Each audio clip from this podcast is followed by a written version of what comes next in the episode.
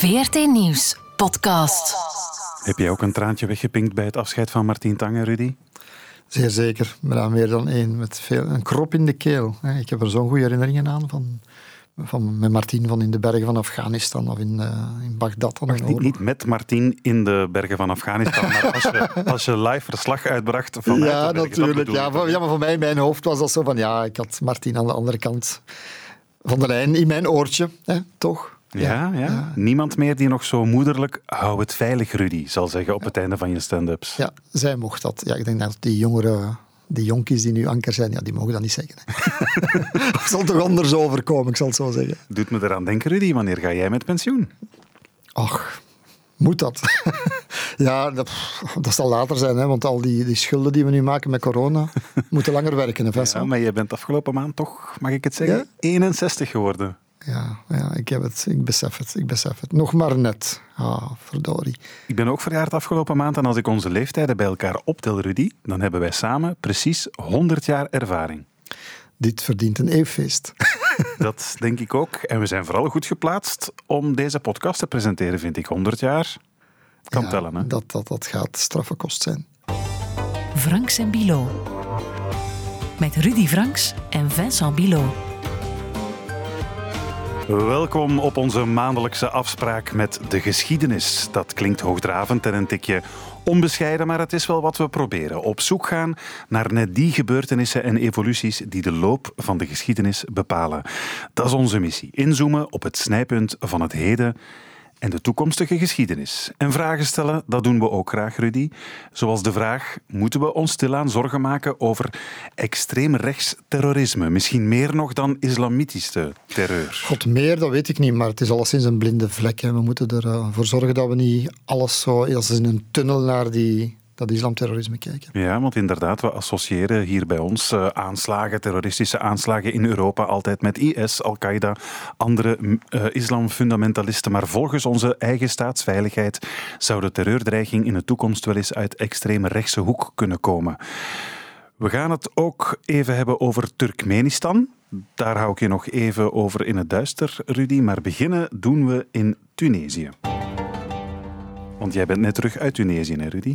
Ja, gelukkig. Ik, dat was voor mij zuurstof. Vijf dagen kon ik als journalist naar Tunesië gaan. Om uh, ja, te gaan kijken naar die Arabische revolutie tien jaar later. Ja, inderdaad. Precies tien jaar geleden inderdaad, is daar de Arabische lente begonnen. Een revolutie die zich dan als een lopend vuurtje verspreidde over uh, het hele Midden-Oosten. Maar die dus tien jaar geleden begon in Tunesië. De regering van Tunesië heeft scholen en universiteiten tot nader orde gesloten. De maatregel is bedoeld om greep te krijgen op het straatprotest, waarbij het voorbije weekend volgens de overheid 14 mensen zijn omgekomen. De onrust in Tunesië wordt veroorzaakt door de hoge werkloosheid. De president belooft 300.000 nieuwe banen. Maar het protest begint meer en meer te lijken op verzet tegen het autoritaire regime. Zo lang geleden is het dus al dat Jan B. Kous zelfs nog het journaal presenteerde. Maar de Tunesiërs kwamen dus massaal op straat tegen de werkloosheid en vooral tegen het corrupte regime van president Ben Ali. Maar de lont aan het kruidvat, letterlijk en figuurlijk, was Mohamed Bouazizi, de straathandelaar die op 17 december 2010 zichzelf op straat overgoot met benzine en zich dan in brand stak. Een drieste daad die hij niet overleefde, maar die wel dus letterlijk de zogenoemde Jasmijnrevolutie deed ontvlammen.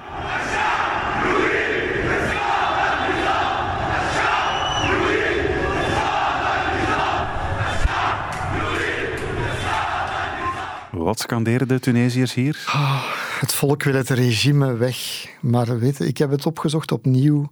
Voor ik naar Tunesië vertrok, die kreet. En, mijn nekharen kwamen en komen trouwens opnieuw overeind. Ashab, Al-Yorit, Isat, Al-Nizam.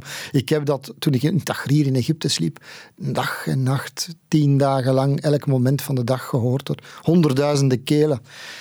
Ja, hoe, dat, hoe dat dit kon gebeuren, dat een hele generatie van Arabische jongeren met elkaar verbonden op een of andere manier en eindelijk met de wereld verbonden dit deden.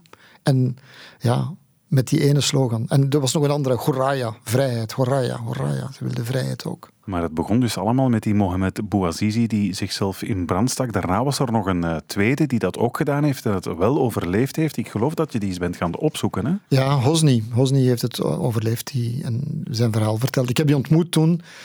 Um, amper levend nog. Hij lag in zijn zetel. Hij had het, zijn nummer doorgetrokken, hè, want hij had zich in brand maar zijn, Hij zag eruit als een, zijn botten waren verbrand, samengeschroeid. Zijn handen waren weg. Zijn, hij lag daar als... Ja, hij wou sterven eigenlijk. Ja. En ik heb zelden dit soort pakkend gesprek gehad met iemand over leven en dood en waarom hè, dat hij dat gedaan had. En die man wou ik zeker per se opnieuw gaan opzoeken. En, want hij leefde nog. En die heb ik dus nu opnieuw gezocht. Die protesten in Tunesië zijn dan dus inderdaad als een olievlek verspreid over eh, de hele eh, Arabische wereld. Maar hoe komt het dat die Arabische lente uitgerekend in Tunesië is begonnen eigenlijk? Het gekke is, want ze hadden vroeger al, jaren daarvoor, hadden ze al broodopstanden gehad. Hè, mensen die in opstand kwamen. Maar je merkte daar niks van, omdat dat brutaal onderdrukt werd in een bepaald dorp. En de rest wist daar niks van. Nu was de wereld met elkaar verbonden, via internet. Ik ben jongeren tegengekomen die via proxy-servers, we noemden het een beetje de Facebook-revolutie. Maar ook en vooral, je had sterke vakbonden. Je had um, en je hebt een sterk ontwikkeld um, middenklasse. Mensen die gestudeerd hebben, jongeren. En de angst was misschien net iets minder daar dan in de andere Arabische landen. En ik vermoed ook dat het regime het, het gevaar niet onderkend heeft. Ik denk dat ze verrast waren. Nu is het helemaal anders, hè, want je hebt nu nog opstanden. Maar nu weet men wat het gevaar is. En men is meegesleurd door die, die, die springtij van die jongeren. Mm die uh, opstanden in de andere uh, Arabische landen hebben niet, uh, of zijn niet overal even succesvol geweest, maar in Tunesië hebben ze heel snel vruchten afgeworpen. Daar is Ben Ali, de president, heel snel op de vlucht geslagen. Wel, in de andere landen hebben de dictators geleerd, zullen we maar zeggen daarvan. In Tunesië um, heeft u eerst wel een aantal toegevingen doen, en, en, maar niet keihard zo. En dus eigenlijk is dat kunnen groeien heel snel, dat protest.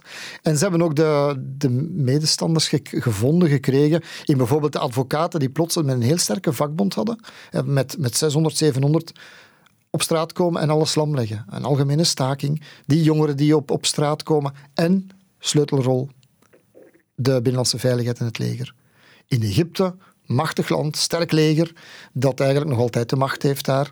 In Tunesië, dat leger, ja, dat is God, ja, die, die waren niet, dat is maar een klein land, die hebben geen leger dat eigenlijk voor de externe vijand moest, moest eh, heel, heel machtig zijn. Je had wel de Binnenlandse Veiligheidsdienst. En ik heb toen bijvoorbeeld de kolonel van een, Special Forces Unit, antiterreureenheid was dat, hè, echt erop.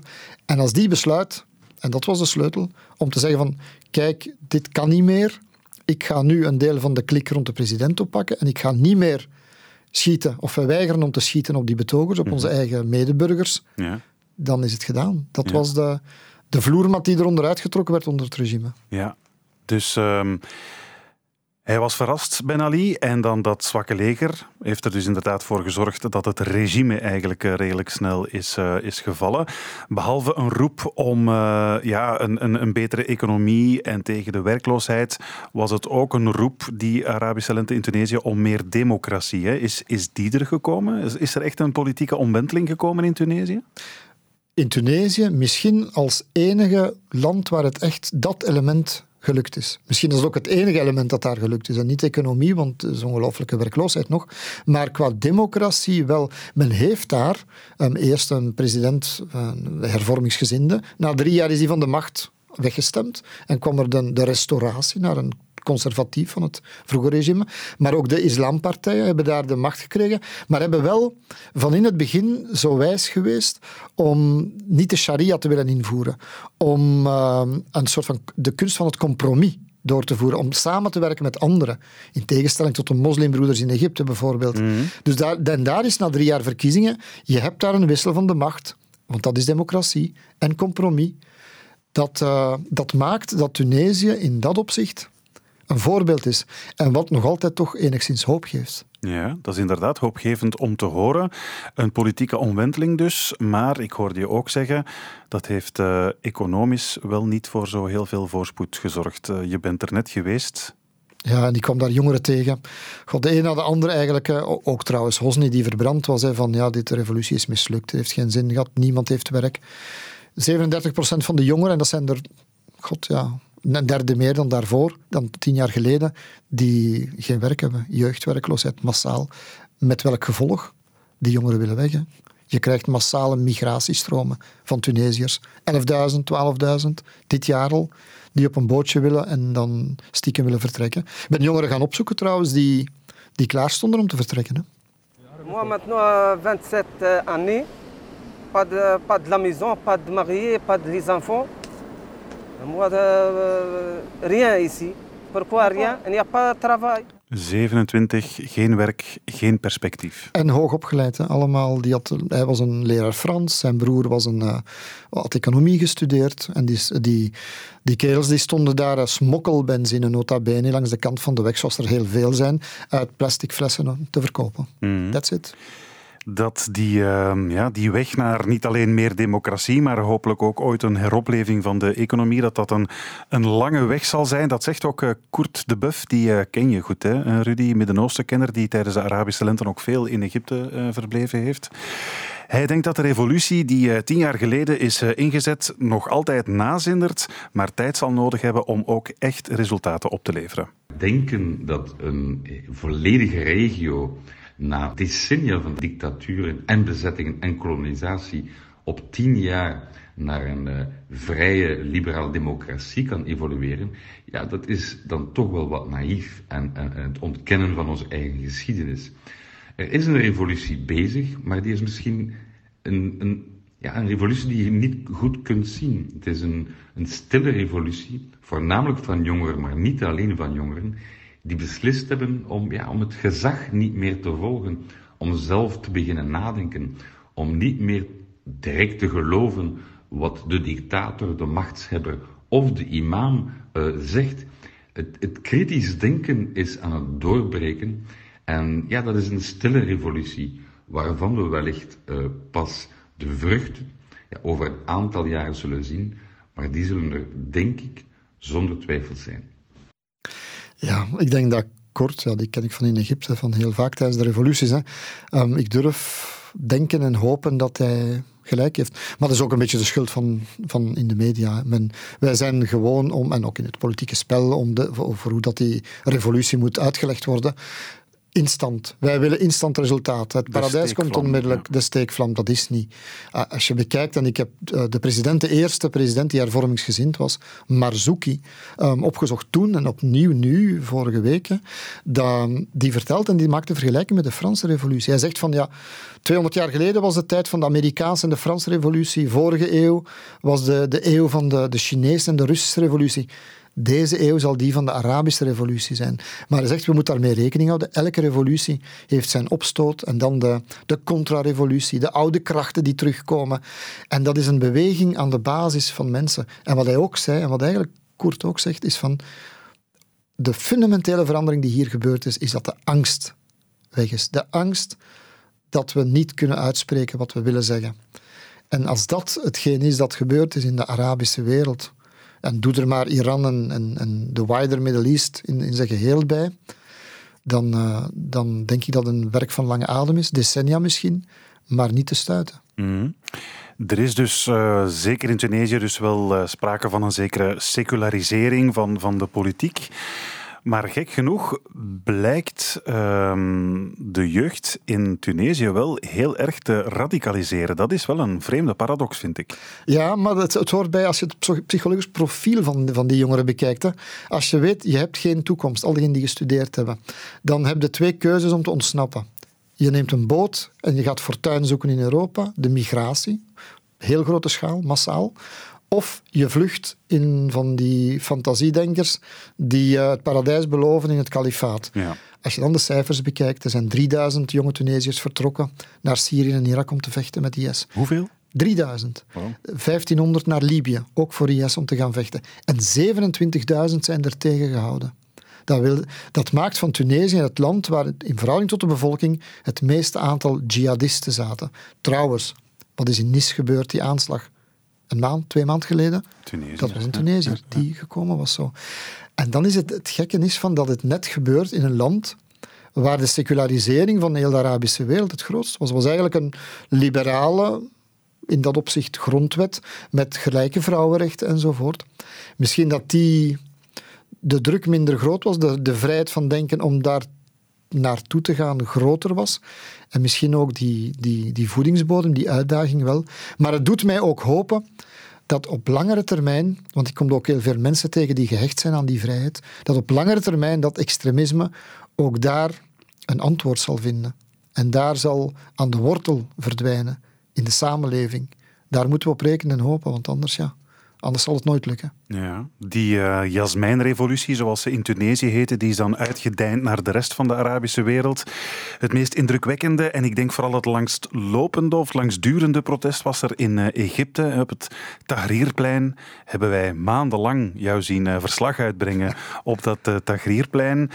En een van de trekkers van de revolutie in Egypte, je hebt er zelf ook mee gesproken, hè? hoe heet ze? Is het Nawal ja. al-Sadawi? Ja, dat was wel een fantastische oude vrouw. Dokteres, gynaecologe geloof ik, maar vooral feministe. En vrouwenrechten en, en eigenlijk een ongelooflijke koppige, sterke persoonlijkheid. Oef, ik heb er nog schrik van toen ik aan die deur ging kloppen.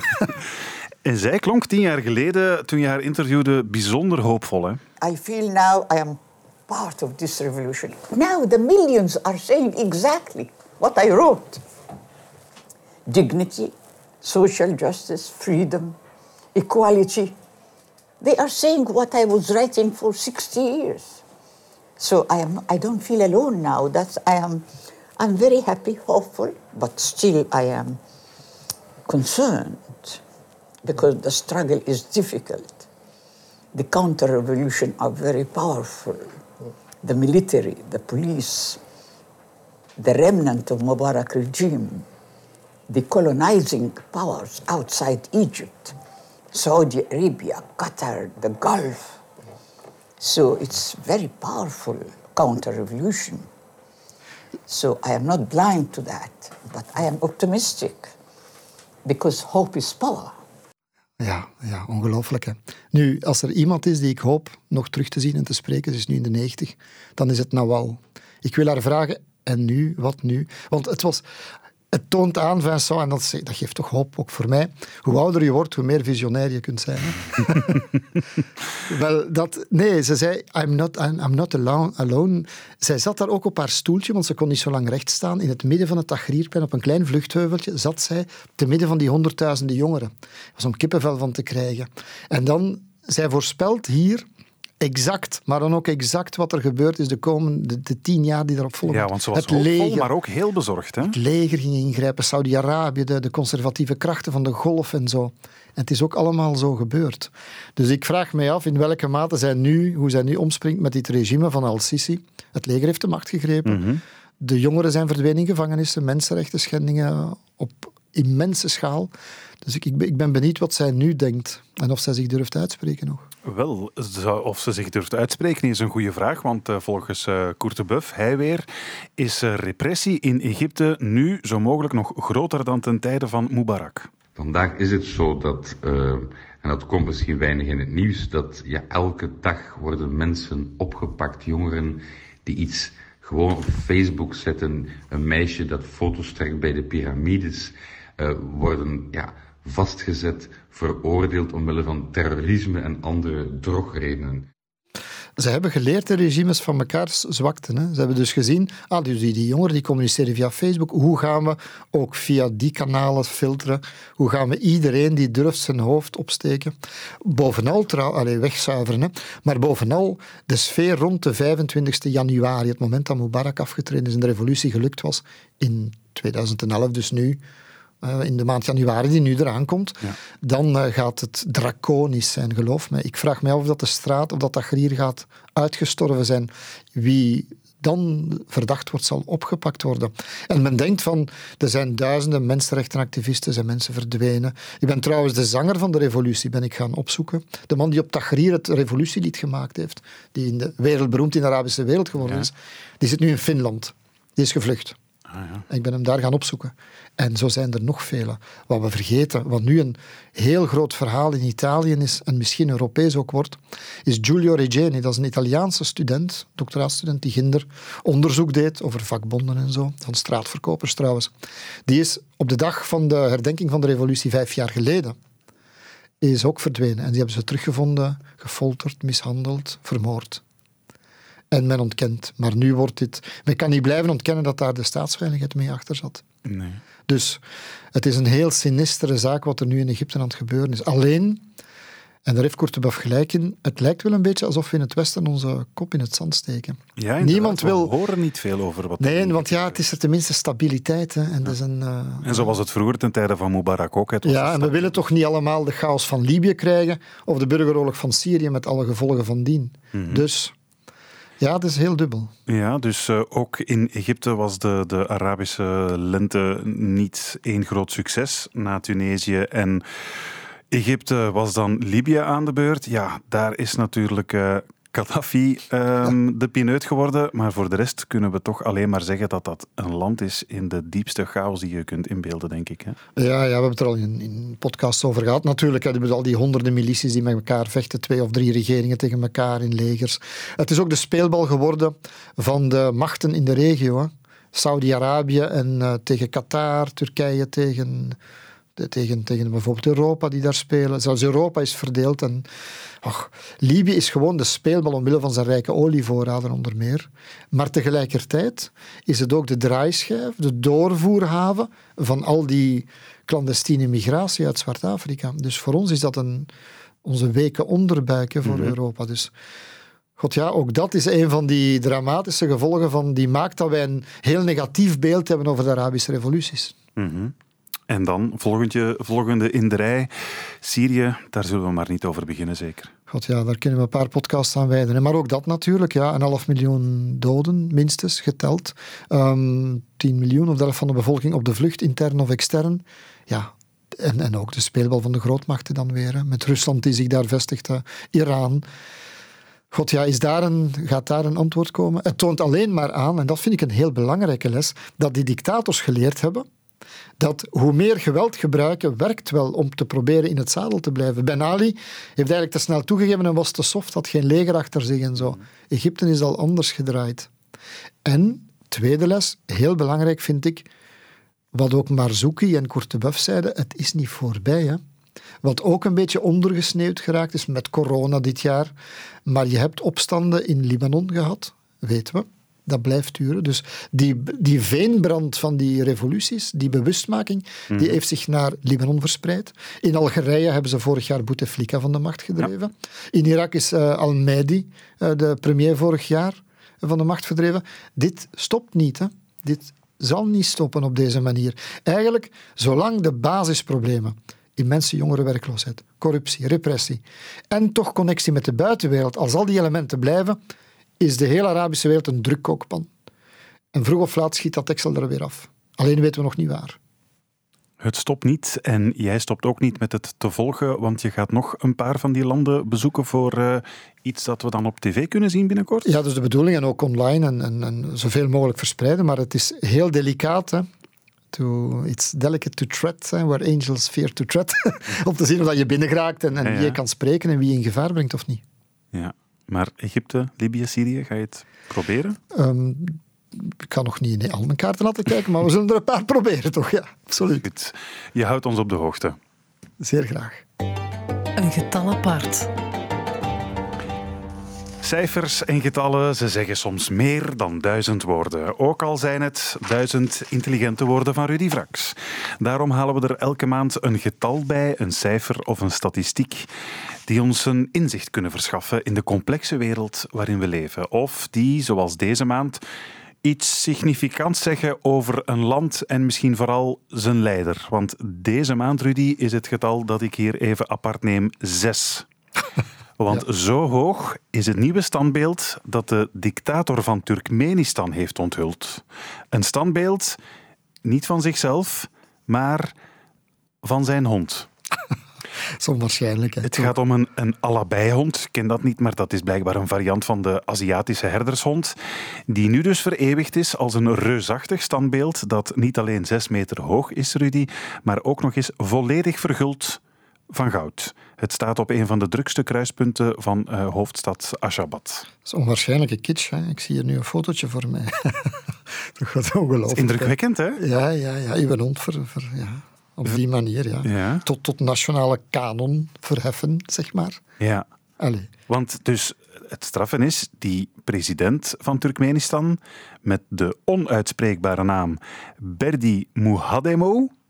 Mohamedo. Mo- Ja, zoiets. Berdi Moe. Het is een omgekeerde Bermuda-driehoek of zo. Ja. Ja, die, die, die eh, doet, maar blijkbaar net als zijn, zijn voorgangers, dat is iets, iets Turkmeens, aan een enorme personencultus. Enfin, we kennen dat natuurlijk ook van Noord-Korea, maar dat moet wel iets fenomenaal zijn. Hoe, hoe eh, ja, die man zichzelf en dus nu ook zijn hond letterlijk op een voetstuk zet. Ja, maar ik had gedacht dat hij komaf had gemaakt met zijn voorganger, Niazov of zoiets. Ja, ja. Dat die, ja, die, die had van, wat, wat, wat zie ik er staan op zijn hoofd op geldbriefjes, een vodka-merk, aftershave enzovoort. Ja, bedoel, dat doet ver, een beetje, een beetje een doorsnee influencer tegenwoordig op sociale media. die heeft ook zijn eigen vodka-merk, lijkt mij zo. Maar, goed, de leider der Turkmenen. Dat is een beetje de hoogmoed en van, van grote leiders zeker. Hè, of Ja. Would-be grote leiders. Ben jij er ooit geweest eigenlijk in Nee, Turkmenistan? nooit geraakt, jammer. Nee, het is ook geen makkelijk land om in te raken. Het, het, het zou na Noord-Korea zo'n beetje het moeilijkste land zijn om in eh, binnen te raken. Maar het is een beetje over de rand van de geschiedenis. Het is niet de grote strategie van de wereld die daar verandert. Hè, maar Nee, nee, nee. maar het, het is wel fascinerend. Ik zou er wel graag eens naartoe geraken. Weet je wie er wel geweest is?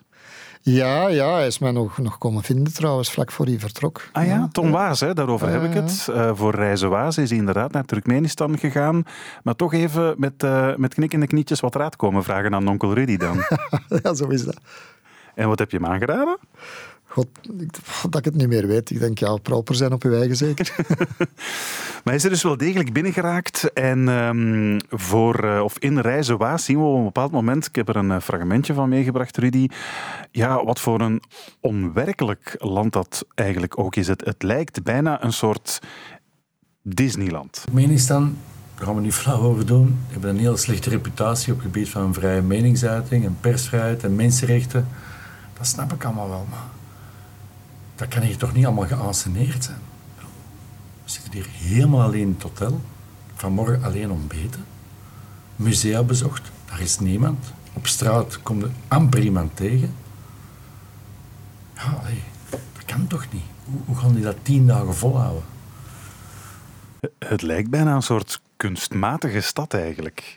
Ja, en ik denk dat, dat je als, in het geval van Tom, hè, dat hij daar, of, of als journalist dan, dat je daar binnen geraakt en dat je daar in een soort van artificiële bubbel gestoken wordt. Er is niemand anders en, en iedereen die daar zit, ik, ik herken dat aan andere dictaturen of van dat soort gekke regimes als dat van Saddam Hussein, dan weet je dat iedereen die in de lobby van het hotel zit, is eigenlijk in dienst van de overheid. Die zit daar nonchalant te wezen, waarschijnlijk bij hem ook, de krant te lezen of Ja. niet en te doen alsof. Maar iedereen is daar een decorstuk. Jij bent het enige, precies, echt levende wezen in dat hele decor van mensen en omgeving. Ja. Dat moet iets heel bevreemdend zijn. Tom had het duidelijk door, Tom Waas. Dus Ja, ja. als je dat door hebt, dan, dan, dan begin je daar heel gek mee om te springen. Ik herinner mij trouwens ook dat zijn, dat zijn vaste gids, van, van overheidswegen natuurlijk, als een soort schoothondje overal achter hem aangestuurd, dat hij het constant had over zijn vriendin, maar dan als de camera afstond eigenlijk toegaf dat hij samen was met een man, maar dat dus onmogelijk luidop kan zeggen in Turkmenistan. Ja, een gezonde Turkmeen, die kan maar niet toegeven dat hem, dat hem homoseksueel is waarschijnlijk. dat, zal, dat zal daar wel- wellicht, ja, Hoewel, hoewel het zijn. Geen islamitisch radicalisme daar... Ik kan me dat niet inbeelden, want het is geen islamitisch radicaal land. Allee, ik vermoed dat eh, de, de ideologie van waar dat die presidenten zich op baseren, is een mengeling van, van natuurlijk islam, maar ook van, van nationalisme en personencultus. Dus een hele vreemde mix die heel echt geënt is op, in dit geval Turkmenistan. Of waarschijnlijk Kazachstan is iemand is een andere enzovoort. Maar elk van die, die landen heeft dat. Of Noord-Korea, by Ja. all means. Saddam Hussein in Irak. De oude, de vader van de huidige president Assad in Syrië. Ja. Je kan er niet buiten komen of geen, geen openbaar toilet binnengaan zonder dat daar de foto van de president hangt. Of een eh, standbeeld, hè? Want eh, dat is nog een interessant weetje. eh, dat Noord-Korea blijkbaar de grootste leverancier is wereldwijd van eh, standbeelden. Dus Ja. die, zijn erin die zijn erin gespecialiseerd. Grote standbeelden van leiders Ja, dat is toch fantastisch? Ja? Dat is Ze fantastisch. hebben er ervaring mee, hè? Ja, ja, wij, wij hebben de, de tapijten die in de, in de Westhoek gemaakt worden, die overal verspreid zijn, of, of B-kaartdraad. Zij hebben dan de grote standbeelden. Maar dat moet toch inderdaad zo zijn. Maar dan vraag ik mij wel af, Want Kim Il-sung en, en Kim Jong-il en al die Kims daar in Noord-Korea, die hebben allemaal hoeveel meter hoog? 6, 7, 8, 9, 10 Ja, op de ja, hoogst ja, ja. standbeelden. Bon, er is een dictator ergens in Afrika die zegt van ja, ik wil er ook zo in. Dus dan gieten we ook zo eentje. Mhm. En dan verschepen we die naar, naar Afrika. En zo hebben er eentje voor president Laurent Kabila, de, de vader van eh, de laatste Kabila-president. Die heeft ook zo'n zeven en zoveel meter hoog standbeeld gekregen. Zeven meter en, amai. Ja, en zo zijn er nog wel een aantal. Hè.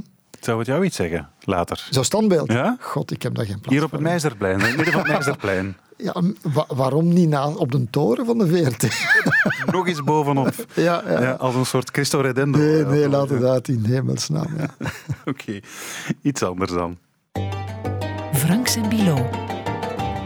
Bij een terrorist stellen we ons meestal een IS-sympathisant voor. Een teruggekeerde Syrië-strijder met een baard die Allah Akbar schreeuwt en vervolgens een bom gooit of zichzelf doet ontploffen. Maar het wordt tijd dat we dat beeld bijstellen. Volgens onze staatsveiligheid moeten we ons in de toekomst minstens even grote zorgen maken om extreem rechtsterreur. Een dreiging waar ook minister van Justitie Vincent van Quickenborne steeds meer rekening mee houdt. Ze polariseren, ze poken het wij-zij-denken op, ze ontmenselijken de vermeende vijand.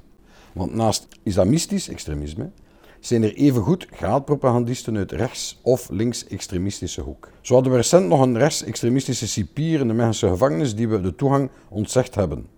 De man was actief bij Voorpost en was volgens onze veiligheidsdiensten een vaarlijke extremist. Of denk aan de man uit Sutendaal die met een adelaar, een, een SS-symbool en een nazi-slogan op zijn kofferbak deelnam aan een betoging van het Vlaams Belang in Brussel. De eigenaar is nauw verbonden met de extreem, extreemrechtse groeperingen zoals Voorpost en het Vlaams Legioen. De terrorist van de toekomst is misschien wel die blanke zestiger verderop in de straat die een leeuwenvlag uit zijn raam heeft hangen en die met een pick-up truck met nazi-symbolen deelneemt aan manifestaties van Vlaams Belang. Want het blijft niet bij wat dwepen met nazi-symboliek alleen. Hè. De man uit Sutendaal waarvan Quickenborne naar verwijst, is afgelopen maand gearresteerd omdat hij verdacht wordt van de brandstichting in het asielcentrum in Bilze vorig jaar. De man die nu is aangehouden is een zestiger die extreemrechtse sympathieën zou hebben. En blijkbaar was hij ook geen onbekende voor het gerecht. De man eh, die kwam eerder al in het vizier tijdens een betoging van het Vlaams Belang. Hij reed daar rond met eh, een pick-up truck met nazi-symbolen. Intussen is ook gebleken dat er ernstige aanwijzingen zijn dat deze man en zijn vrouw, zijn partner, samen de brand zouden hebben aangestoken meer dan een jaar geleden hier in het asielcentrum in Bilze. Ja, toen we hem zagen rondrijden met zijn bestikkerde pick-up truck vol Vlaamse leeuwen en runetekens in die karavaan van Vlaams Belang op de Heizel, ja, toen leek het nog gewoon een rare kwiet, een marginaal randfiguur, Vlaams-nationalistische folklore van de donkerbruine soort. Maar mogelijk zit hij dus wel achter een terroristische aanslag, want zo mogen we die brandstichting in het asielcentrum van Bilze wel noemen. Hè. Rudy, ik hoor hier termen vallen als voorpost, Vlaams legioen. Kennelijk zijn dat toch geen onschuldige hobbyclubjes. En ik weet niet of je dat portret over die man uit Sutendaal ook hebt uh, gelezen, maar uh, dat, dat is toch wel beangstigend waar die allemaal mee dweept, hè? Ja, maar tegelijk heeft het toch ook iets, iets geks eigenlijk, hè? Met, met een Ku Klux Klan. Ja, ja, dus die, die, die, ja, die gaat blijkbaar dus uh, gekleurde mensen op straat bang maken in een pak van de, van de Ku Klux Klan. Dat, dat is toch, dan ben je toch een beetje van het padje af. Hè? Ja, maar als je, als je dan ook nog ziet, dan tegelijk heeft hij dan die, die Oekraïner, die vriend van hem, die dan aan een beetje een wapentraining gaf en zo. Ja. Allee, het, het, het, wordt een, een, een toch wel wrang mengsel van als, je, als er wapens bij komen kijken, als er uh, me, ja, gewelddaden van een brandstichting bij komen. Ja. ja, waar stopt het? Je kan het niet blijven hanteren als zijnde een fenomeen van curiositeiten. Hè? Ja, want hij, heeft, uh, hij zou ook een portret van Hitler boven zijn open haard hebben hangen, die, uh, die kerel uit Sutendaal. Ik lees dat hij bevriend is met de kleinzoon van een Nederlandse SS'er die uh, deelnam aan massa-executies van Joden tijdens de Tweede Wereldoorlog. Die kleinzoon pittig detail, die zijn hondjes ook Hess en Himmler zou genoemd hebben. Dat zijn nu misschien ja, uh, grappige details, maar zo grappig is het eigenlijk niet als je dan ziet waartoe die man mogelijk, want hij is natuurlijk nog maar enkel verdacht, wel uh, in staat is. Hè? Ja, maar het, het, gevaar zit wat mij betreft toch in dat dit een beetje een, een aanvaardbaar in het, uh, aan de rand van mainstream binnencijpelt. Zo, hè? Als je ziet dat er dan iemand in Braindonk gaat een Hitlergroet brengen, hè, iemand anders, of dat iemand dan weer gaat bloemen leggen bij een, ook alweer een, een dode van, van SS. Ja, in een dirndl nog eens. Hè? Een ja. dirndl, ja, dat is... Je kan het allemaal wegzetten als zijn de folklore, maar dat is het dan uiteindelijk toch niet meer. Vooral als je merkt, en dat is een fenomeen dat je in niet alleen bij ons natuurlijk, maar in Nederland, in, in Duitsland ziet je. Je krijgt wat aanslagen tegen, tegen moskeeën, je krijgt wat brandbommen. Onlangs was nu weer opgedoken, deze week trouwens, dat er in, in Heerlen dat er een man zijn Syrische vluchteling, buurfamilie, terroriseerde met een vechthond, met, met brandbommen, met, met stokslagen. Mhm. Dan denk ik, ja, dat is niet meer onschuldig. Hè. Ja, inderdaad. Dat is een beetje de vraag die we ons proberen te stellen. Hè. Zijn het gewoon een paar neonazis die, eh, die ja, één keer over de rode gaan? Of zit er toch meer achter en moeten we de terroristische dreiging van extreemrechts dringend ernstig gaan nemen? We hebben het erover met Nathalie van Raamdonk. Welkom. Hoi. Jij bent onderzoeker aan de VUB, gespecialiseerd in radicalisering bij extreemrechts. Ik denk dat we het daar volmondig mee eens kunnen zijn dat er zeker een, een dreiging vanuit die hoek komt, ehm, die we tot denk ik Christchurch heel erg hebben genegeerd. Ehm, dat er effectief een probleem is van mensen die een bepaalde ideologie aanhangen, die daar ook echt tot actie toe zouden willen overgaan. Ja. Maar als ik een paar cijfers mag tussengooien hè, van, van de staatsveiligheid, ze hebben het over 50 tot 60 potentiële geweldplegers die op hun radar staan, die ze in de gaten houden. Dat klinkt veel of niet, maar ook 12 rechtsextremistische organisaties met ongeveer 2500 mensen aan verbonden. Oké, dat is het bredere weefsel, maar het is toch meer dan alleen maar een vreemde snoes aan het Zutendaal. hè. Ja, absoluut. En ik denk dat we daar ook zeker voor naar de geschiedenis moeten kijken. Ik denk dat het is niet een fenomeen dat ineens twee jaar geleden is opgedoken. In de jaren negentig eh, had je al dat soort neonazi-bewegingen, zoals je daar zelf aan had, eh, bloed, bodem, eer, Eer en- eer en en trouw. trouw, ja. Ehm, die al langer actief waren, die al langer coördinatie en mobilisatie deden. En dat is dan eh, een paar jaar wat stiller geworden, ook omdat daar meer een politieke mobilisatie in is geweest, die een beetje het gortige ervan heeft afgehaald. Ehm, en ergens is daar nu precies ehm, het, het idee gekomen van de politiek gaat ons niet helpen. We moeten het zelf doen, en we moeten onszelf gaan eh, activeren en mobiliseren. Er is een soort eh, wantrouwen eh, tegenover de politieke klasse. Die, ja, een wantrouwen dat we misschien allemaal een beetje herkennen. Ik denk dat er heel veel mensen zijn die wat ge- gedesillusioneerd zijn in de politiek. Maar die mensen ehm, die interpreteren het wel meteen op een heel radicale manier. Hè?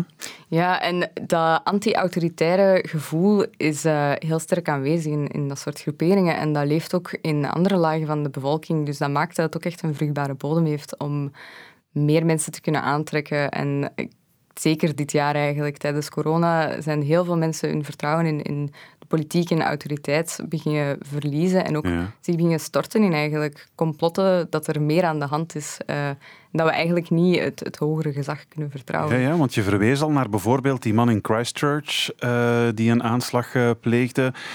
Die gast uit Soetendaal, dat worden dan zogenaamd lone wolves genoemd. Maar tegelijkertijd kun je je afvragen, er is misschien niet echt een groot netwerk, maar ze radicaliseren wel door theorieën die heel erg opgang maken op het internet en op sociale media. Hè? Ja, en dat is altijd een beetje het probleem met terrorisme en, en radicalen. In hoeverre kan je daar echt van uitgaan dat er een, een volledige beweging achter zit? Ik denk ISIS was de meest ehm, georganiseerde eh, beweging die zich verspreid heeft eh, na Al-Qaeda, die zich echt in onze contrairen ook eh, aanhang heeft gevolgd, ge- gevonden. Maar ik denk dat we er echt wel bij moeten stilstaan dat er veel mensen die een ideologie zien, die ideeën horen, ehm, die dat dan hun eigen maken en er een heel andere actie aan gevolg geven. Is dat het grote verschil? Dat, dat IS had dan eigenlijk zijn centrale commando, bij mij van spreken, in, in het kalifaat in, in, in Syrië. Hè? In, dat aangestuurd werd voor een stuk. Dat is ook nu ontmanteld, deels. Maar je blijft die lone wolves, die lone actors hebben, die blijven radicaliseren. Dus bij extreem rechts zit men in die fase. Ja, en momenteel, en ik denk dat daar de staatsveiligheid vooral op aanstuurt, ehm, is daar meer coördinatie in aan het komen. Dus er zijn ook effectief eh, die groepen die elkaar zijn beginnen vinden en die hebben gezegd van laten we stoppen met onder ons te vechten en laten we eigenlijk samen deze strijd aangaan. Dus dat fenomeen is nu gaande. Ja, dus er zijn bepaalde ehm, ja, kleine nichegroepen onder echt figuren, dus van die charismatische leidertypes die dan misschien een groepje van 50 eh, mensen beïnvloeden, ehm, die elkaar daar eigenlijk in hebben gevonden en die hebben gezegd van laten we... En dat is eigenlijk dit jaar dat ik zelf eh, merk, dat is, die hebben ook een, website samengemaakt die ik niet ga vernoemen, ehm, en je merkt dat, dat er wel echt een gevoel is van we moeten tot actie overgaan. En dat wil ik niet zeggen dat dat gepland momenteel wordt, maar het sentiment van laten we enkel een ideologie uitdragen en mensen kiezen zelf wat ze daarmee doen, ehm, ik denk dat we daar een beetje voorbij zijn aan het gaan. Mm, want het is een heel identitaire beweging. Hè. In, bij ons in Vlaanderen gaat het dan om het Vlaamse volk dat bedreigd wordt. Um, er zit tegelijkertijd ook hè, die anti-migratie, anti-islam-ideologie achter. En een term die ook heel erg opgang maakt en die we wel eens uh, horen opduiken, is de term omvolking. De Great Replacement. Ja, en Dat, is, dat is wat, het, uh, wat, het, wat denk ik een beetje de rode draad is doorheen heel Europa, maar bijvoorbeeld ook in Amerika, want daar, daar, daar zijn het natuurlijk geen Vlaamse nationalisten. Maar ze geloven wel allemaal dat wij, de witte, blanke mensen, overrompeld gaan worden door de islam dan vooral. Ja, en dat is vooral een, een machtsverschuiving. Hè. De witte blanke man, uh, de, de, de blanke hetero uh, Anglo-Saxen, uh, protestantse christelijke... De WASP, zoals De WASP, sorry. Ja, Amerika, dat, dat is de naam. Um, die merkt dat er een machtsverschuiving is aan het komen en die kan dat niet plaatsen. En je merkt dat op heel veel vlakken, hoe er eigenlijk een strijd is tegen feminisme, tegen elke vorm van identiteit die eigenlijk dat, dat die machtsstatus begint te bedreigen. Um, en The Great Replacement is daar echt een, een deel van te kijken van laten we een, scapegoat vinden. Laten we iemand vinden die eigenlijk schuldig aan is en laten we daar echt een hele theorie rond vormen dat dit gepland is. Want dat komt eigenlijk beter uit dan stilstaan bij hoe er een machtsstructuur ooit was, die nu is aan het ontmanteld worden voor een ja, gelijkere, rechtvaardigere maatschappij. Ja, dus ik ben eigenlijk de doelgroep. Ik ben 60 en ik ben wit. ja, Rudy, en daar kan en jij al bijna. spelen. ja. Ja, ja. De boomer-generatie. Uh, en dat is ook zo dat generationeel conflict, wat heel interessant is, dat eigenlijk um, in extreem rechts, die vinden elkaar daar op een manier wel in. Want je hebt dan die generation identitair in Europa, die heel erg begrijpt hoe sociale media werkt, die begrijpt hoe communicatiemiddelen werken. Maar dan is er wat er toch tegenspreekt, of wat het eigenlijk een beetje moeilijker begrijpelijk maakt, is dat je Baudet en zijn jongerenbeweging in Nederland krijgt, hè, Forum voor Democratie, of wat is daar, en bij ons Schild en Vrienden. Jong, hè, van een, de betere klasse, toch niet per se bedreigd, denk ik. En toch? En toch? Ja, op, op een of andere manier gaat die omvolkingstheorie, de Great Replacement, spreekt ook die, die bevolkingsgroep aan. Ja, ja omdat het, het, uh, het idee van meegegeven te hebben van jonge leeftijd, van wij, gaan, wij, wij zijn de leiders van morgen, en dat dat dan misschien toch niet meer het geval zal zijn, dat speelt niet alleen bij de oudere generatie die zijn rol ziet veranderen, maar bij de jongere generatie die uh, een rol die, dag, die ze dachten voor hun uitgestippeld was, zien verdwijnen. Dus daar leeft dat juist nog veel sterker, omdat die voelen van mijn toekomst is in bedreiging. Ja, leeft dat daar echt sterker? Want ik zou inderdaad denken, zoals Rudy zegt, ja, de, de wat oudere, uh, gearriveerde uh, blanke man die voelt zich misschien bedreigd door wat er nu allemaal op hen afkomt. Maar dat die jongeren daar zo vatbaar voor zijn, dat, dat verbaast mij toch? Ik denk dat er ook een, een groot stuk identiteitsvorming is. Hè. Um, en daarom dat we ook altijd naar dat psychologische moeten kijken van hoe komt het dat mensen daar vatbaar voor zijn. En ik, ik merk dat heel vaak met iemand als Dries van Langenhoven. Ik vroeg mij af als die tegen transgenders zo ja, zo kwaad daarop was, vroeg ik mij af van, maar waarom ben jij bedreigd door dit idee? Ben jij zo onzeker over je eigen identiteit dat je denkt dat een andere genderidentiteit die van jou mogelijk zou kunnen bedreigen en veranderen? En dat is een beetje zo het, vasthouden aan uh, dit is wie ik ben en ik ga ervoor zorgen dat niets daarin intussen komt. Ja, ja ik, zou, ik zou projectie ook niet helemaal uitsluiten. Hè. Denk maar aan uh, dat Hongaarse Europarlement. Ja. een grote uh, homohater die dan uh, zelf betrapt wordt op een gay gangbang. Ja, misschien, maar heeft het toch ook niet te maken met een, de opstap naar macht? Ja. Ik bedoel, het, het extreemrechtse denken op dit moment, of de Great Replacement, dat is eigenlijk een sleutel om, om meer macht te verwerven voor bepaalde mensen, toch? Ja, en daarom is het interessant om eigenlijk die, die, um, ja, die balans die ze zijn aan het proberen te houden tussen um, toch politiek aanwezig te zijn um, en tegelijkertijd zo dat, dat gortige, dat eigenlijk... Ah, hoe vuil mag het worden, wordt ja. zo'n beetje de... Uh, en, en zo, ze merken van, ja, maar onze achterban is wel oké met dat gortige en daar kunnen we ook eigenlijk mee scoren. Dat, dat maakt dat we ook onze identiteit versterken als groep. Maar tegelijkertijd willen we wel kunnen blijven deelnemen aan het politieke debat, want alleen zo kunnen we uh, verandering eigenlijk uh, veroorzaken. Maar, en, daar, en daar komt dan het radicale in. Mensen die echt zeggen van ja, maar politieke is nutteloos. Daar moeten we niet meer aan meedoen, want dat is toch allemaal opgezet spel. Maar dan ga je de grens over naar, naar terreur eigenlijk. Ja. En dat is waar de staatsveiligheid bang voor is.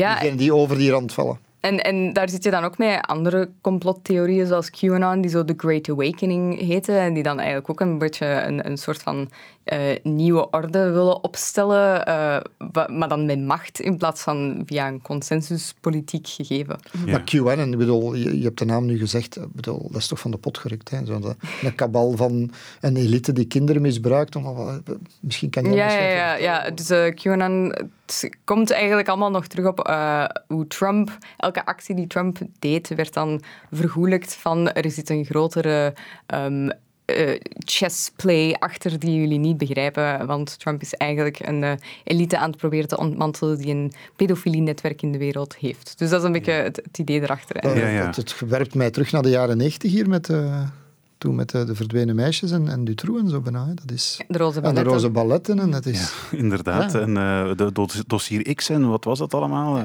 ja. Ja, en ik vind het fascinerend dat dat momenteel veel minder in België terugkomt en dat er echt naar een theorie van ja, Amerika eigenlijk wordt gegrepen die hier...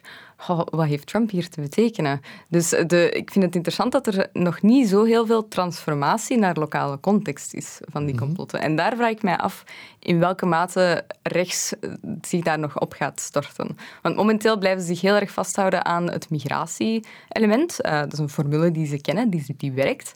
Ehm, en zo dat, dat spelen met eh, het anti-autoritaire en dan overgaan in dat complot van er is een establishment die ons niet wilt, dat merk je wel in de jongere generatie, die dat ook echt begint te Ja? pushen. Ja? Iemand als Dries van Langenhoven zijn podcast, die heel erg tegen de mainstream media en... en eh, de- Leugenpressen. Lugepress en, en, en de establishmentpolitiek uh, die, die uh, ons eigenlijk wilt uitrangeren. Um.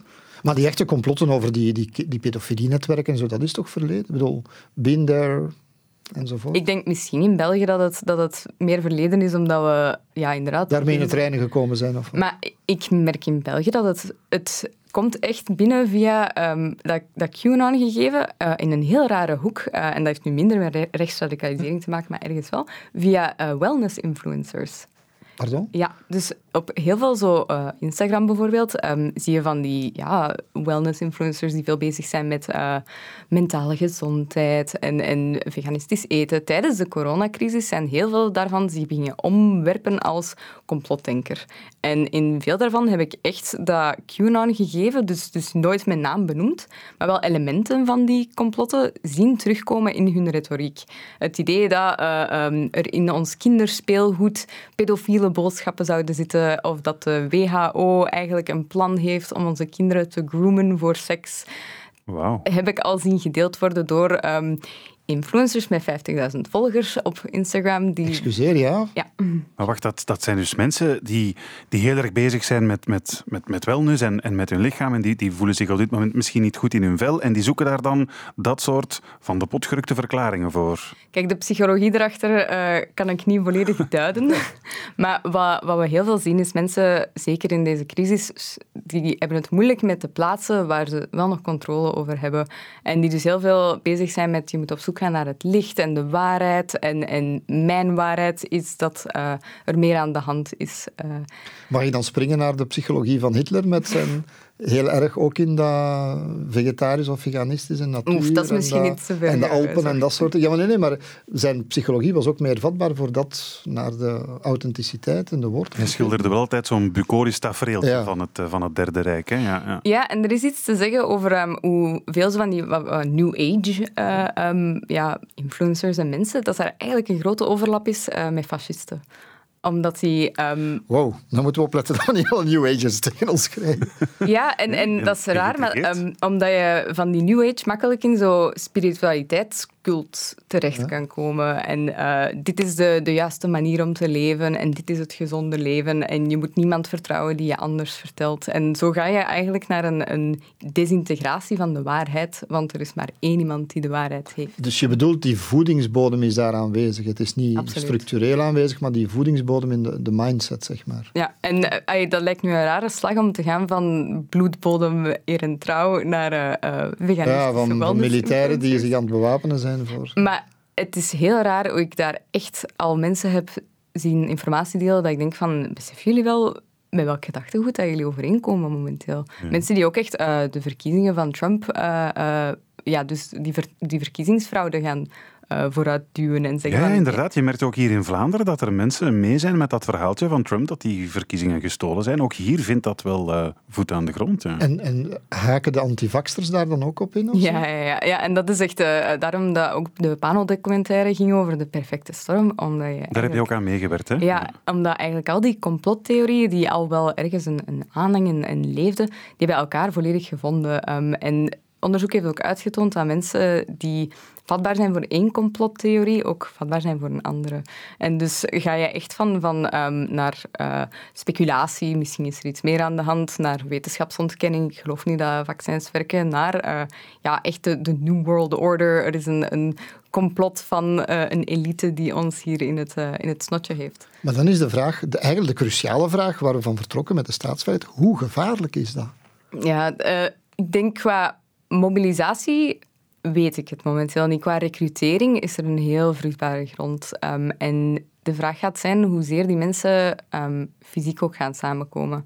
En ik hou mijn hart vast voor wanneer we wel terug open kunnen gaan en dat er wel betogingen zijn. Want het is pas wanneer mensen elkaar fysiek ontmoeten dat die band heel erg versterkt. En dat online element werkt heel goed voor die te verspreiden en elkaar te vinden. Maar om, om dan echt in de volgende stap te zetten, dat, dat zijn toch wel echt heel, heel radicale mensen die daar dan in overgaan. In Duitsland hebben we die grote betogingen gezien. Hè? Met, onder meer met die dokter Bodo Schiffman, die, die, ik geïnterviewd heb in de zomer.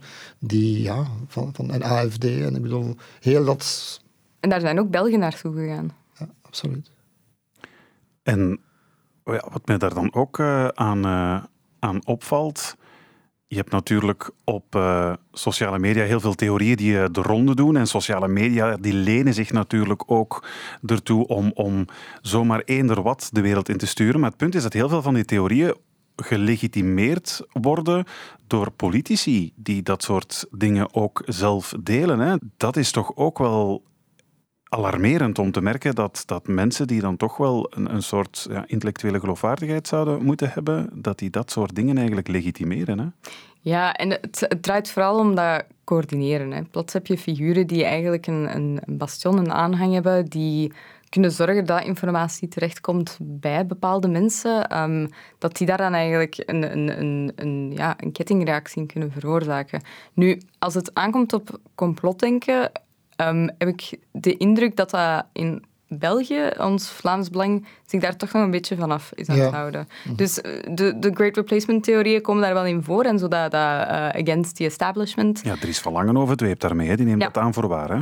Maar het eigenlijke overgaan naar echt um, volledige onwaarheden verspreiden en er echt een, hele theorie uh, aan, aan, vast te hangen en, en, en, echt punten te verbinden, um, dat, dat, zien we nog niet zo heel veel met politici. Maar dat zien we wel met hun, hun mondstukken, websites, uh, die uh, een doorbraak of... of hoe heet het daar? Ja, het en, en, zo van die websites die heel erg gebouwd zijn op laten we um, ja, mensen door het slijk halen omdat we, omdat we dat fijn vinden. Ja, maar dat, dat is zo de, de, ja, de bredere basis. Maar het echte extreme gedachtegoed is dat nog niet. Nee, en dat, dat, daarom dat ik het wel interessant vind hoe dat in, in Nederland dan met Thierry Baudet en in Duitsland met de AFD hebben ze echt wel politici die daar ook echt... Ja, wel, daar is het wel. Ja, en daar zit je opnieuw met die spanningsboog tussen politiek willen kunnen deelnemen en dus toch ergens nog beschaafd blijven en um, wel het gortig willen kunnen maken en daar die grens eigenlijk opzoeken.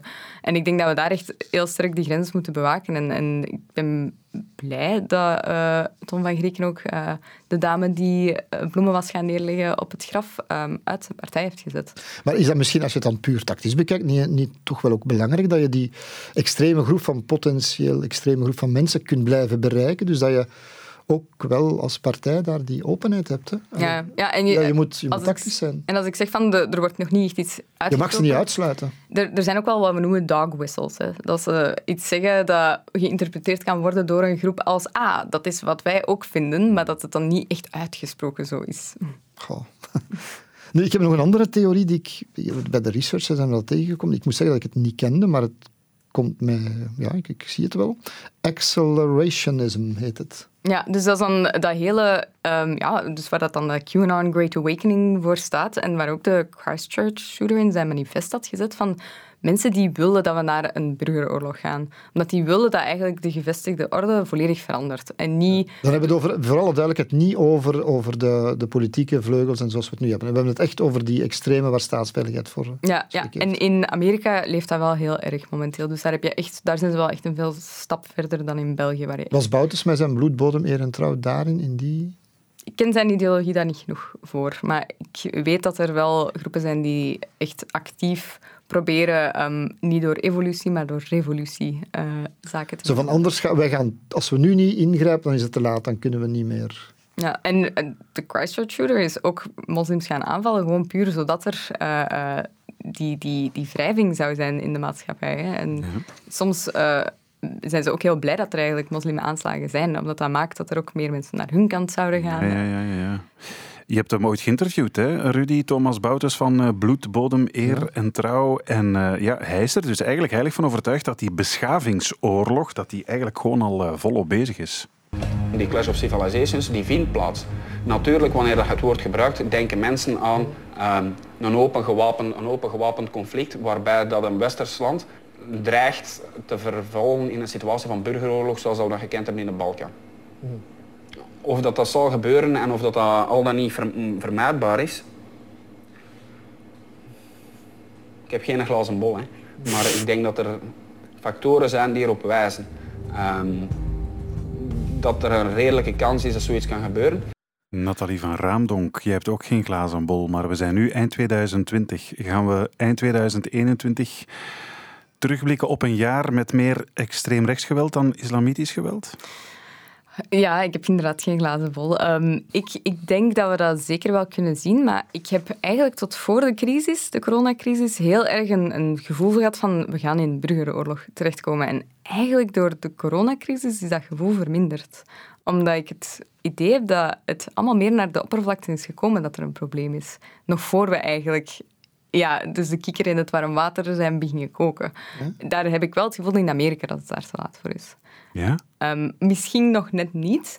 Uh, door het feit dat Trump niet is herverkozen, echt zonder die crisis had dat nooit gebeurd. Trump had echt herverkozen geweest. Mm -hmm. um, maar ik, ik heb wel het gevoel dat we nu kunnen ingrijpen voor het te laat is. En daarmee dat het wel goed is dat we daar nu aandacht aan besteden, maar we moeten echt op een, een, een bredere sociale aanpak gaan werken. Uh, en, en niet gewoon verwachten dat mensen wel tot hun, hun reden zouden komen. En ook na de crisis dat mensen terug een bezigheid zouden vinden en zich zouden weg. Maar wat is ingrijpen dan? Ik bedoel, wil dat zeggen die sociale media waarop die leugens verspreid worden of die, die vreemde gedachtenkronkels, kan je daar? Kan je dat saneren, zeg maar? Het is een moeilijke vraag, hè, die, die altijd terugkomt van ja, maar heeft het zin om mensen te verwijderen? En, en, en um, is dat dan geen censuur? En waar ligt de grens? En, en ja, de slippery slope uh, probleem. Um, en onderzoek is daar ook niet duidelijk over en we weten het niet. Wat we wel weten is dat er een bepaald keerpunt is van vanaf als je mensen gaat verwijderen, dat hun bereik zodanig groot is geworden dat het eigenlijk niet uitmaakt. Maar kunnen we die voedingsbodem wegnemen van die gedachten? Kunnen we, want je, je moet toch wel rekening houden met het onbehagen van die bepaalde groep mensen die zich eigenlijk gemarginaliseerd voelt worden? Terwijl ze eigenlijk de elite voor een stuk zijn natuurlijk. Ja, en dat is een politiek probleem. Hè. Dus ik denk, um, nu dat we een nieuwe regering hebben die besloten heeft toch niet met de rechtse partij te zetelen, is het aan hem om waar te maken van we kunnen ook met deze regeringscoalitie iets doen voor mensen die zich onbehaagd voelen, die, die zich benadeeld voelen door uh, alle crisis, economische crisis die we hebben gehad, uh, migratiestromen. Dus het is echt een politiek probleem dat we op een sociale manier ook moeten aanpakken, dat we ook op een individueel psychologische manier moeten aanpakken. Want er is, ik heb toch wel, het zou jammer zijn om het niet mee te geven, maar als je ziet van de echte aanslagen van de voorbije twee jaar, dat is niet niks. Christchurch, Tarrant in Nieuw-Zeeland, 51 doden. We hebben Crucius in, uh, in El Paso, 21 doden. De Duitse politicus Walter Lübcke, hè, 2019 ook, gedood door een neonazi. En Shisha-bar in Hanau, in februari van dit jaar. Ja, Dan vergeten we nog Anders Breivik, dat is al wat langer geleden. Ja. Maar, uh, ja. Ja, en um, of we die mensen hun, hun voedingsbodem kunnen wegnemen als je denkt puur op het internet. Ehm, er is wel iets voor te zeggen voor zo snel mogelijk eigenlijk ehm, de manier waarop ze zich kunnen coördineren, mobiliseren en recruteren, om die eigenlijk weg te nemen. En ik heb wel de indruk dat dat in België wel nog redelijk snel gebeurt. Dus veel van die groepen die ik merk, die blijven niet langer dan een jaar bestaan op een Facebook. Um, die verhuizen zich dan misschien wel naar een apart kanaal waar ze kunnen iets geheimer eigenlijk bespreken en, en coördineren en zo. Maar um, qua recrutering um, heeft daar een grote impact op. Hè. Het feit dat, dat er eigenlijk geen nieuwe mensen bij komen, dat daar geen uh, call to action van, van buitenstaanders komt die mee overtuigd geraken. Um, het, is, het is een heel precaire balans. Hè. Duwen mensen verder weg op een plek waar we ze niet meer zien, hmm. zodat ze eigenlijk, ja, zoals IS-strijders, um, ongezien kunnen verder radicaliseren. Um, met die HN, dus waar uh, de Christchurch shooter op zat, is een platform waar iedereen eigenlijk ook toegang toe heeft. Hè. En als je daarop iedereen in er wat mag opzeggen, opzetten ook natuurlijk. Ja, ja en, en daar, daar leeft ook gewoon echt een, een cultuur van, van, van hoe obscener, hoe beter. Uh, en dat zijn ook mensen die hebben aanvaard van wij zijn vreselijke mensen. dat is een, blij dat ze het zelf beseffen dan toch. Ja. Maar het interessante was vroeger uh, op 4chan, als, als tiener zat ik daar ook op, puur uh, als observator, want vrouwen zijn niet welkom op het internet. Uh, in, zeker in die tijd. Dat was uh, een van de regels van het internet. Ah, dat was expliciet, geen vrouwen. There are no, rule 34 denk ik, there are no women on the internet. Komt ook terug trouwens, hè, bij al die extreemrechtse groeperingen, vrouwen aan de haard ja. en mondje toe. Ja. Schrik van vrouwen. ja. Maar, en dus vroeger op 4chan was dat echt zo een, een, wij zijn allemaal vreselijke mensen, you're all going to hell for this. En dan werd er ook echt gewoon aan elkaar gezegd van just kill yourself. En dat dat is vreselijk op een manier, maar daar werd wel beseft van, ah ja, dat is juist, eigenlijk moeten we hier niet um, over eens zijn van go on warrior, wat jij doet is, is geweldig. En dat is een beetje wel beginnen keren. Ja. Vrouwen, het, vrouwen uitsluiten, dat is een teken dat ze het gewoon echt niet begrepen hebben, eigenlijk, het leven, hè, Rudy? Absoluut. Nathalie, wil jij eind volgend jaar nog eens terugkomen voor een stand van zaken over uh, deze kwestie? Oef, ja. Ik hoop dat uh, de glazen bol, uh, dat mijn, mijn voorgevoel correct is. Dat het... Maar nog één persoonlijke vraag ja. misschien. Heb jij, als je daar nu in die, daarop duikt, zo in die, in die, dat internet, die dingen, dat, heb je een beetje schrik? Krochten. Heb jij, voel je een beetje angst? Of? Ik, ik reageer heel weinig. Dus ik, ik voel mij echt al zo uh, fly on the wall. Ik probeer gewoon enkel te observeren. En ik ben wel bang als ze mij er dan ook echt op aanspreken van wie ben jij? Dan heb ik zo van... Oh, gewoon een vrouw aan de haard. Ja. Ja, dat is ook nog eh, een laatste ding. Uh, er is ook een vrouwenbeweging binnen extreemrechts. Uh, en die heette uh, tradwives, traditionele vrouwen. Ah ja, daar heb ik ook al over gelezen. Tradwives. Ja, en die elkaar dus ook tips geven hoe ze zoveel mogelijk onderdanig aan hun echtgenoot kunnen zijn. ja, ja. Het is echt een handmade tale eigenlijk, hè? Ja. Op wow. veel manieren, ja. ja je, mag, je mag zo die, die, die gegevens aan, aan Vincent doorgeven. De volgende vrouwen opscharen. Heel erg bedankt, Nathalie van Raamdonk, om uh, langs te komen in onze podcast. En we zien elkaar volgend jaar terug. Bedankt.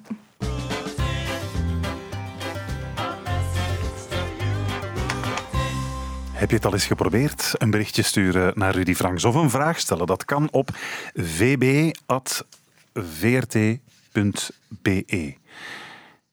En dan kan het wel eens zijn dat ik jouw vraag hier hoogstpersoonlijk voorschotel aan Rudy Franks. En deze week, beste Rudy, is dat een vraag van Manuel Delen.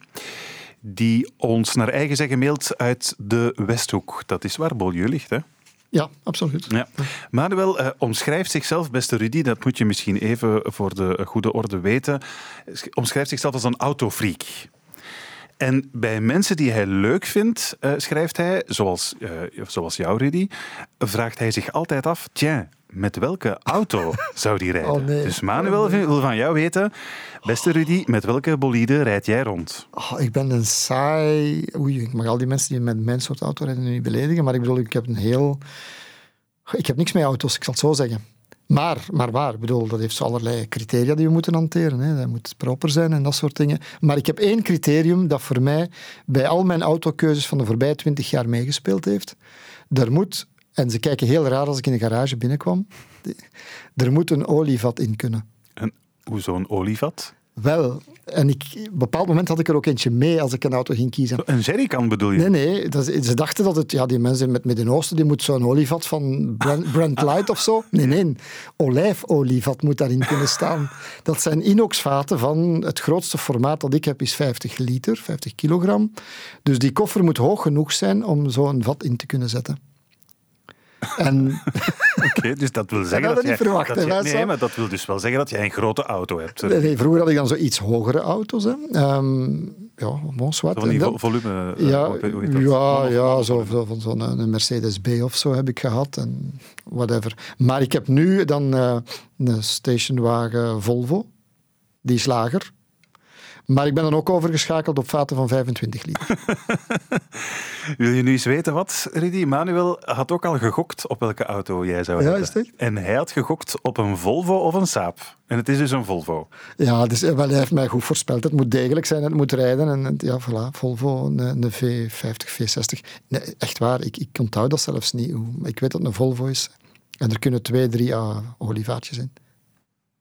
Het schijnt dat jij nogal een, eh, een eh, defensieve bestuurder bent, heb ik mij laten vertellen. Alweer achterklap natuurlijk. Ja, ik ben zo verstrooid dat ik met dingen bezig ben dat ik soms op het verkeerde rijvak te traag rijd of zo. En dat ik Maar niet op het verkeerde pedaal duwen, want dat is wel wat gevaarlijker. ook dat zou kunnen gebeuren. Ja. Ik heb al eens trouwens, moet ik tot mijn schande bekennen, een groot ongeval op de E40 aan de ring veroorzaakt. Oei, Om die reden denk ik, vrees ik een beetje. verstrooid. Verstrooid en, en, en bon, kettingbotsing. Ja. Ik was de laatste in de rij, dus ik vermoed dat ik in, in, in fout was zeker. Als je de laatste... Dat was, dan mijn, dat was de vorige auto, hè, die is dan weg. Ja. En ja, als je van achter in, in de botsing zit, dat wil zeggen dat jij diegene bent die... Ja, ik, ik kon niet remmen, ik botste tegen de vorige, de vorige botste tegen die Ah, vorige. zo, je hebt ze enzovoort. allemaal vooruit geduwd eigenlijk, Ja, op die een- manier. Een, stuk, Ah, ja, een stuk of vier, vijf, zo. ja. En eh, toch hopelijk alleen maar blikschade. Ja, ja, Ah, ja. bliksem. ja, ja toch, wel, toch wel. Gelukkig, maar anders zou ik het mezelf niet vergeven. Maar ik weet het, ik moet daarop letten. Ik ben, soms vertrek ik in de auto en ik ben ergens aangekomen een uur later en ik, ben- ik, ik ben me van niks bewust. Gelukkig dat ik dan op de juiste plaats aankom, toch? Ja. Oké, toch maar het kopje erbij houden, hè, Rudy? Ja, ik weet het, ik weet het. Je wil, je wil geen statistiek worden of ooit opduiken in het rubriekje een getal apart. Hè? Absoluut. Oké, toch weer iets bijgeleerd. vb.vrt.be als jij volgende maand jouw vraag wil beantwoord horen door Rudy Franks. Dit was hem, de laatste aflevering van dit jaar. Eind deze maand moet je wel nog opletten, dan duikt er in jouw podcast-app mogelijk nog een, een speciale knop. Iets voor de literatuurliefhebbers onder jullie. We gaan er nog niet te veel over verklappen, maar hou het in de gaten. Er komt misschien nog een kleine extra aan. Oké. En in de tussentijd kom je even kijken ook in de Facebookgroep hè, natuurlijk. Franks en Bilo.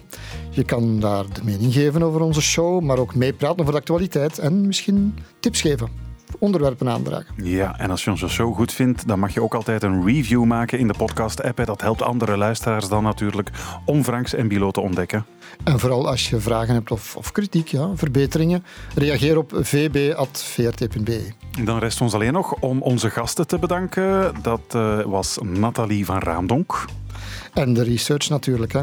Golden, Olden, eh, Goran Verluiten, Loepna en eh Tine Bulkaan. Eindredactie was in de goede handen van Vincent Merks En presentatie, Pilo natuurlijk. en Franks. Bedankt. Ciao, ciao. En tot volgend jaar. Want dat zeg je dan zo op het einde van tot volgend jaar, hè? Ja, en een beter jaar, Gotori. Ja, laten we dat Absoluut eh, uitgebroken weer. Ja, dat we in 2021 alles gaan doen wat we in 2020 niet Ah, ik heb zo'n lange lijst van waar ik naartoe wil allemaal, Vincent. Je hebt geen idee. eh, zal wel. Voor volgend jaar. Ja. Ik denk vooral zo nog een keer goed zo iedereen kunnen knuffelen en aflebberen zo. Ja, dat, lebberen moeten laten zitten, maar dat knuffelen, oké. Oké, tot volgend jaar. Hè. Dit was een podcast van VRT Nieuws. Je vindt er meer op de podcastpagina van vrtnieuws.be of via de podcast-app op je smartphone.